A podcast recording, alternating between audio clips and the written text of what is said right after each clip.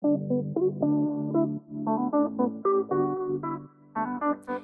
hartelijk welkom bij opnieuw een Law Talk van WVO Advocaten.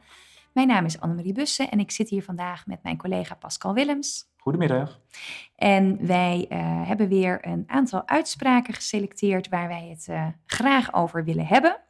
Allereerst um, gaan we het hebben over eigenlijk een situatie die misschien wel nou, voor veel werkgevers herkenbaar is. Namelijk dat je met een, uh, een sollicitant of in ieder geval een nieuwe medewerker een arbeidsovereenkomst sluit. En dan blijkt dat die werknemer eigenlijk nog ziek was of arbeidsongeschikt was.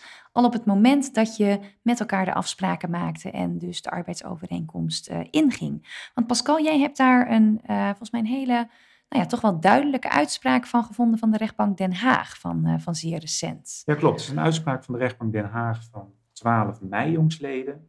En daar ging het om een mevrouw die was uh, nou, ziek uitgevallen bij de vorige werkgever.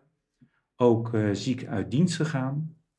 En is vervolgens op, ik geloof 1 augustus 2021 voor een bepaalde tijd in dienst getreden. En vrij kort nadat zij zij heeft een, in april gesolliciteerd. Mm -hmm. Toen was zij bij de vorige werkgever al, al ziek. En um, op het moment dat zij bij de nieuwe werkgever gaat werken, uh, valt ze eigenlijk kort daarna valt zij uit. Ja, volgens mij november, hè? want ze start um, dan 1 augustus. 1 augustus start ze uh, en in oktober meldt ze zich ziek. Oké, okay, ja. Um, en dan blijkt het uh, uit, uit het onderzoek van de bedrijfsarts, die koppelt dan terug dat zij bij aanvang van het dienstverband al gezondheidsklachten had die zij, uh, waaruit blijkt dat ze die al bij het vorige dienstverband had. Ik begrijp ook uit de uitspraak dat dat uh, gebaseerd is op privéomstandigheden. Zij was ook nog in behandeling daarvoor, voor die mm -hmm. gezondheidsklachten. Um, en dus nou ja, moet de werkgever gaan reïntegreren. Um, en die werkgever is daar uh, not amused uh, door, want die heeft zoiets ja, ik, jij solliciteert bij mij in de wetenschap dat jij ziek bent uh, op dat moment. Ja, en ze had het natuurlijk of in ieder geval, zo blijkt het, ze had dat niet gemeld. Dus het was niet bekend. Nee, en er was ook geen vooruitzicht, begrijp ik uit alles, dat zij het moment dat zij bij de werkgever zou, de nieuwe werkgever zou beginnen, dat zij ook al hersteld zou zijn. Want dat is natuurlijk wel belangrijk. Ja. Um, dus zij is daar gaan werken en, en zij, uh, nou, uiteindelijk zegt deze nieuwe werkgever, ja, ik vind eigenlijk dat ik gedwaald heb. He, want had ik dat geweten, dan had ik de arbeidsovereenkomst niet gesloten met jou, althans niet onder deze voorwaarden. Uh, en daar valt natuurlijk wel wat voor te zeggen, want als een medewerker in dienst treedt die zelf weet of kan weten dat hij ziek is, of dat hij niet in staat is om de bedongen arbeid in zijn volledige omvang te verrichten, um, ja, dan rust eigenlijk op de werk, werknemer uh, sorry, een, een, spreekplicht. Dat blijkt al uit vrij oude jurisprudentie van de Hoge Raad.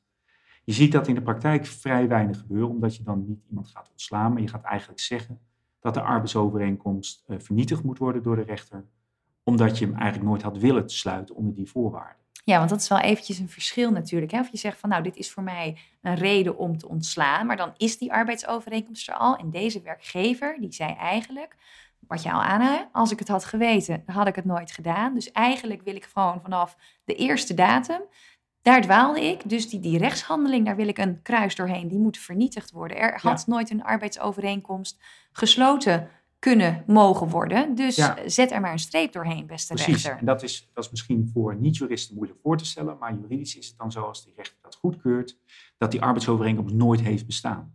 Ja. En, uh, maar ze heeft wel gewerkt, hè? we hebben het er net over gehad, ze heeft twee maanden gewerkt. Uh, dus ja, hoe, hoe ga je daar dan mee om juridisch? Nou, um, wat in deze casus is, is dat die rechter zegt van ja, op basis van de feiten die er ligt in het rapport van de bedrijfsarts, ja, wist je dus dat jij met beperkingen in dienst trad. Je, had, je was weliswaar voor 80% uh, gereïntegreerd, hè, 30% van een fulltime functie. Uh, die mevrouw zegt nog van, nou ja, maar ik ben voor 0,8 FTE in dienst getreden. Ja, want ze, bij die oude werkgever had ze 1,0 FTE. Ja. En ze zegt, en ik heb nu dus gesolliciteerd op 0,8 FTE, want dat was ook wat ik bij mijn oude werkgever in het kader van reïntegratie al kon. Precies. Ja. Uh, maar daarvan zegt de rechter, ja, het enkele feit dat je dus, dus de 0,8 FTE werkt en daar ook een dienstverband voor hebt, of nee, ik moet goed zeggen, voor 0,8 FTE in dienst bent getreden en bij de vorige werkgever nog voor 0,8 FTE werkte, betekent niet dat er geen gezondheidsklachten waren, want die waren er. die waren in dit geval ook ja, belemmerend om uiteindelijk dus die 0,8 FTE te werken. Die was nog in behandeling, dat was nog niet afgerond. En dus stel ik vast dat onder die omstandigheden het ja, voor de hand ligt dat de werkgever de arbeidsovereenkomst niet zou hebben gesloten. En ik vernietig dus inderdaad uh, wegens dwaling uh, de arbeidsovereenkomst.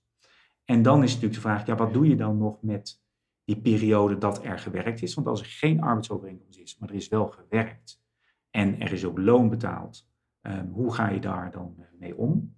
En daarvan zegt de rechter, ja, dat zie ik als een vergoeding in de zin niet van het arbeidsrecht, maar in het algemene verbindenisrecht. Ja. Artikel 210, lid 2 van boek 6 van het burgerlijk wetboek. En dus is de uitkomst van deze zaak eigenlijk dat uh, er geen arbeidsovereenkomst heeft bestaan tussen deze uh, werkgever en werknemer.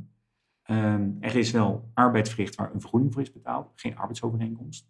Beetje gekke situatie natuurlijk. Maar dat werkt natuurlijk ook door in de sociale zekerheid. Ja.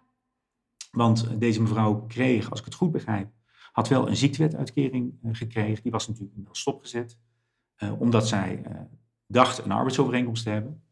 Um, maar met deze uitspraak in de hand zou ze weer naar het UWV toe moeten. En die gaat dan waarschijnlijk wel weer dan verrekenen datgene wat ze dan over die eerste twee maanden. Aan de andere kant, is dat ja. dan nog loon? Ja, ja dus dat, dat is best interessant. Ik Ja. moet zeggen, ik heb me daar in dat deel nu niet verdiept hoor. Maar dat is best interessant hoe je daar dan uh, mee om moet gaan. Maar voor de praktijk uh, geeft deze uitspraak inderdaad aan dat je dus in zo'n situatie, um, en dan moet het wel heel duidelijk zijn dat iemand wist of kon weten dat die bedongen arbeid niet zou kunnen volhouden. Uh, zowel bij aanvang, hier dat dan twee maanden tussen. Ik denk als je uh, uh, een half jaar dat had volgehouden, krijg je alweer een heel ander verhaal. Ja, en dat is volgens mij ook wat, wat de rechter ook zegt. Hè, van haar gezondheidsklachten ten tijde van ondertekening. Ja, daarvan, die waren van zodanige aard dat zij had kunnen weten dat het zou doorwerken in dus die nieuwe arbeidsrelatie. En dat het ook zelfs tot hè, reïntegratieverplichtingen van die nieuwe werkgever zou Ja. leiden. Dus eigenlijk hè, krijg je, je denkt, ik ga in zee met iemand die hier fris en fruitig aan de slag gaat. En het blijkt iemand te zijn die gezondheidsklachten heeft, wat doorwerkt ehm, bij het verrichten van de werkzaamheden. En waar je dan vervolgens voor moet gaan reïntegreren. Ja, klopt. Nou ja, en dat, dat leidt dus tot die, die vernietiging. En dat is dus een, een optie naast ja, de vraag die wij altijd krijgen: goh, is dit een reden voor ontslag? Daar, daar kan je ook nog over nadenken. Maar dan, dan ga je dus wel vanuit deze medewerker is wel ziek. Dus heb je te maken met het opzegverbod. En dat maakt een stuk lastiger. En bij een vernietiging wegens dwaling speelt een opzegverbod niet, want dat gaat eigenlijk via de band van het, uh, het gewone burgerlijk recht. Dus dat is, dat is wel een, een hele interessante uitspraak uh, voor, de, voor de praktijk. En dan komen we bij een andere uitspraak die voorbij is gekomen. Um, en dat is er eentje, ja, die speelde eigenlijk niet in, zou je kunnen zeggen, verzuim.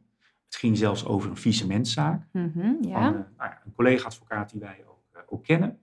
Um, en wat daar speelde, uh, dat ging over een discussie tussen een curator en het UWV over de loondoorbetaling. Ja, en dat is misschien wel aardig hè? als een bedrijf failliet gaat, dan wordt er door de rechtbank wordt er een curator aangewezen en die moet eigenlijk hè, de zaakjes af gaan wikkelen of misschien kijken of er een doorstart mogelijk is of nog hè, onderdelen van het bedrijf verkopen. Ja. En het is dan ook inderdaad hè, op grond van de faillissementswet wordt dan ook de, uh, de loondoorbetalingsverplichting wordt door het UWV moet die voor een bepaalde periode worden overgenomen. Ja, klopt. In dit geval werd, uh, het was een transportonderneming, die werd op 5 juli 2016 failliet verklaard. De curator zegt de arbeidsovereenkomsten met alle medewerkers op uh, op 7 of 8 juli met een achtneming van een opzegtermijn van 6 weken. Dat is in de faillissementswet zo bepaald. Dus dat betekende dat de arbeidsovereenkomst zou 18 augustus 2016 eindigen. Vervolgens wordt er onderhandeld over het doorstart. En een groot deel van de activa en alle personeelsleden die treden op 11 juli 2016 bij een doorstarter in dienst. Oh, dus echt wel vlot, als ik het Heel zo vlot. zie. Ja, Ja, binnen een week. precies. En um, dan krijg je een discussie achteraf van, uh, ja, het UWV betaalt gedurende die opzegtermijn van zes weken het loon aan de medewerkers door. En die zegt dan tegen de curator, nou, wij hebben dus een vordering op jou, in dit geval van 350.000 euro, want we hebben zes weken het loon doorbetaald. En de curator zegt, ja, maar dan moet je niet bij mij zijn, want ik heb ervoor gezorgd dat die medewerkers op 11 juli, dus eigenlijk na drie, vier dagen, al in dienst zijn getreden bij een opvolger. Um, daar hebben ze als het goed is loon gekregen. En als jullie ze ook nog eens hebben betaald, ja, dan moet je niet bij mij zijn, maar bij de medewerkers of die opvolgen. Ja, dus eigenlijk ten onrechte hebben ze dan hè, de uitkering op grond van de faillissementswet of het Ja. loon op grond van de faillissementswet gekregen. Precies. En nou, daar gaat die zaak over. En dat speelde nog onder eh, wat we even noemen het recht van voor 1 januari 2020. Mhm. Ik ga niet op de faillissementskant in, want dat is voor ja, onze meeste luisteraars zitten toch een beetje in de verzuimhoek. Maar voor de verzuimhoek juist is deze uitspraak interessant. Want eh, deze zaak komt uiteindelijk bij de Hoge Raad. En het gaat over de situatie van artikel 627, die toen nog bestond, en 628. En 627 bepaalde tot 1 eh, januari 2020 geen arbeid, geen loon. Dus was altijd een hele duidelijke, een hele duidelijke stel. Die, die, die snapte heel veel werkgevers altijd wel. Hè? Ja. Als je niet werkt, hoeven we ook geen loon te betalen. Precies, en die is nog natuurlijk van, van vroege tijden. Ja. Dat als je 's ochtends bij het land kwam en je ging werken, dan kreeg je aan het eind van de dag kreeg je zo'n papieren zakje, geloof ik, met wat centen erin.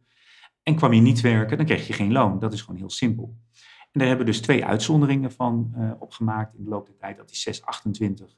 Dat was als eh, je niet werkt, maar het niet werken ligt in de risicosfeer van de werkgever. Dan krijg je wel loon. Bekend voorbeeld bijvoorbeeld, eh, het pand brandt af. Je komt wel bij je werk, maar ja, het pand is er niet meer. Je kan niet werken, maar het ligt in de risicosfeer van de werkgever. Dus dan krijg je toch loon en dat is En, en 100%. corona eigenlijk, hè? dat was natuurlijk Corona. iets waarin dit heel, heel erg eh, nou ja, duidelijk in één keer ging spelen, deze bepaling. Ja, ja, waarbij corona natuurlijk wel aanschuurde weer tegen 629. Dat is een andere uitzondering. Dat je niet werkt als gevolg van ziekte of gebrek of zwangerschap. Ja, ik bedoelde eigenlijk hè, dat bijvoorbeeld de horeca ging dicht. Oh dus ja, jij wilde ja. wel werken. Maar ja, en de werkgever zei ja, maar ik moet dicht. Ik ben gesloten door hè, maatregelen van de overheid. Ja, klopt. maar Nou, er moest wel het loon doorbetaald worden. Precies. En eh, vanaf 1 januari 2020 is 627 komen te vervallen. En die 628 lid 1 is eigenlijk eh, anders geformuleerd. En ik noem dat altijd dat dat een soort, ja, als je zou kunnen zeggen, inkomensgarantie is voor eh, mensen met een arbeidsovereenkomst. Namelijk, als je niet werkt, krijg je toch je loon, tenzij het in de risicosfeer van de werknemer valt. En dan zou je kunnen zeggen, ja, wat maakt dat verschil nou uit? Maar dat maakt bewijstechnisch Ja. wel een hoop uit. Want als de werkgever zegt, ja, jij krijgt je loon niet, dan moet de werkgever gaan aantonen dat het in de risicosfeer van de werknemer zit. En wat deze zaak nou eigenlijk voor de verzuimbranche interessant maakt, is dat die discussie over 627, 628 zien we met name bij arbeidsconflicten. Ja. En eh, voorheen was het zo dat als je, en dat is op, op, eh, op basis van het arrest MAC SGBO, dat als een medewerker niet werkt als gevolg van een arbeidsconflict, waarbij er even geen sprake is van ziekte of gebrek, eh, dan moet een medewerker aantonen dat hij of zij redelijkwijs met het oog op het ontstaan van klachten niet kon werken. Ehm, maar dat was onder het oude formulering geen arbeid, geen loon. En toen eh, artikel 627 kwam te vervallen, was wel de grote vraag, ja, betekent dit nou dat de werkgever moet gaan aantonen dat de werknemer wel gaat kunnen werken? En dat is met name op het gebied van lastig. privacy heel erg lastig, want dan gaat het om de medische situatie. Medewerker is niet ziek, je krijgt die medische gegevens dan dus ook niet. En hoe kan je aantonen dat de medewerker dan toch gaat kunnen werken? Dat is best lastig. Ehm overigens zag je in de praktijk wel dat ehm, ook voor 1 januari 2020 eh, de lage rechtspraak met name de nadruk legde in hoeverre iemand bereid was mee te werken aan het, aan het meewerken aan de oplossing. Ehm, maar Ja, bijvoorbeeld hè, als een mediation, hè, als dan hè, arbeidsconflict, mediation eh, geadviseerd. En dat een werknemer zegt van ja, dat wil ik niet. Dat ga ik niet Ja. doen. Ik verleen mijn medewerking niet. Of ik wil een gesprek niet aangaan over het onderwerp. Dat was met MAC SGBO speelde dat natuurlijk het geval. Ehm, maar wat, eh, de, de vraag is nu de afgelopen jaren geweest eh, van ja, hoe verhoudt zich dat vervallen van 627 dan tot die bewijslast? En wat vindt de Hoge Raad ervan? En het bijzondere vind ik aan deze uitspraak is dat ehm, dit gaat dus, eh, zoals gezegd, over eh, nou ja, de loondoorbetaling in het kader van een faillissement. Maar de Hoge Raad die wijdt daar een speciale alinea aan over die verhouding van 627, 628. En de Hoge Raad zegt eh, helemaal aan het eind van de uitspraak, op, opmerking verdient nog het naar volgende. Eh, bij 1 januari is 627 komen te vervallen en samengevoegd met 628. En zegt de Hoge Raad, met deze wijziging is geen inhoudelijke verandering van de risicoverdeling tussen werkgever en werknemer en van de rechtspraak van de Hoge Raad erover beoogd. Dus dat betekent eigenlijk dat de Hoge Raad zegt, ja, ook al heeft de wetgever dat anders geformuleerd, dat betekent niet dat we er anders naar moeten kijken. Nee, ze, ook- ze halen ook inderdaad ook aan. Hè, en de rechtspraak van de Hoge Raad. Hadden ook op kunnen schrijven. En dus hè, MAC SGBO met name. Precies, precies. En dit sluit ook wel aan, omdat de, eh, tijdens de behandeling in de Tweede Kamer is ook wel met zoveel woorden gezegd, we proberen geen inhoudelijke verandering te doen. Maar ze hebben het, ja, heel plat gezegd, niet heel handig opgeschreven, waardoor het bewijs technisch wel een verandering was. En de Hoge Raad grijpt, zo begrijp ik dit beetje, deze uitspraak aan, of nog even te zeggen, jongens, het vervallen van 627, 628 betekent niet dat in de risicoverdeling dat er een verandering plaatsvindt. En dus blijft ja, zou je kunnen zeggen, MAC, SGBO nog steeds staan. En is in zo'n situatie als een medewerker vanwege een arbeidsconflict niet werkt, ook niet arbeidsongeschikt is, hè, want dat is natuurlijk wel Mhm, belangrijk, Ja. maar toch loon wil hebben, dan moet de werknemer feiten en omstandigheden stellen en zo nodig aantonen of aannemelijk maken dat gezien het ontstaan, de mogelijkheid van het ontstaan van klachten, redelijkerwijs niet kan worden gevergd dat hij toch gaat werken. En dat is best lastig Ja. om dat als medewerker aan te tonen. Want het, de Hoge Raad zegt met zoveel woorden, dit ligt wel in jouw risicosfeer. Situaties waar je het wel kan bedenken is een medewerker bijvoorbeeld die uitvalt. Die heeft een arbeidsconflict met een collega met ja, grensoverschrijdend gedrag. En die zegt, als ik met die medewerker blijf werken, word ik daar continu mee geconfronteerd. Mhm. En daar kan ik bepaalde klachten door krijgen. Dan zou het eventueel wel kunnen. En dat is wat voelbaarder dan een gewoon arbeidsconflict. Ehm, maar deze, deze zaak is dus wel interessant. Die manier voor de, voor de verzuimbranche. Nou ja, en dat met name ook even de Hoge Raad dat dus eventjes zo extra benadrukt, omdat er hè, kennelijk eh, onvoldoende duidelijk in de, in de wetsgeschiedenis eh, iets over is gezegd. Want daar stond wel van nee, het blijft toch hetzelfde, maar vervolgens wordt wel het, eh, de wetsbepaling gaat toch echt wel anders luiden. Dus dat is wel Ja. fijn dat de Hoge Raad ons in ieder geval een beetje, een beetje bij de hand neemt op, op dit punt. Ja, de Hoge Raad grijpt deze zaak aan om een discussie die ze zien eventjes ja, meteen te beslechten. Misschien ook in de trant van ja, anders krijgen we een nieuwe zaak over. Laten we deze even in één alineaatje meepakken. Dan hebben we dat ook gedaan. Dat is heel efficiënt. Ehm, maar een mooie uitspraak dus. Ja, Nou, ontzettend leuk. Dankjewel, Pascal. Ehm, nou, wat mij betreft hebben wij weer eh, eh, twee, twee mooie zaken zo, eh, zo kort even besproken. Als daar nog vragen over zijn of als er andere, nou ja, casussen uit de, uit de praktijk nu bij jullie naar boven komen, laat het ons vooral weten, want dan kunnen we daar misschien ook eens wat, wat aandacht aan besteden. Nu in ieder geval ontzettend bedankt voor het luisteren en graag tot een volgende keer. tot de volgende keer.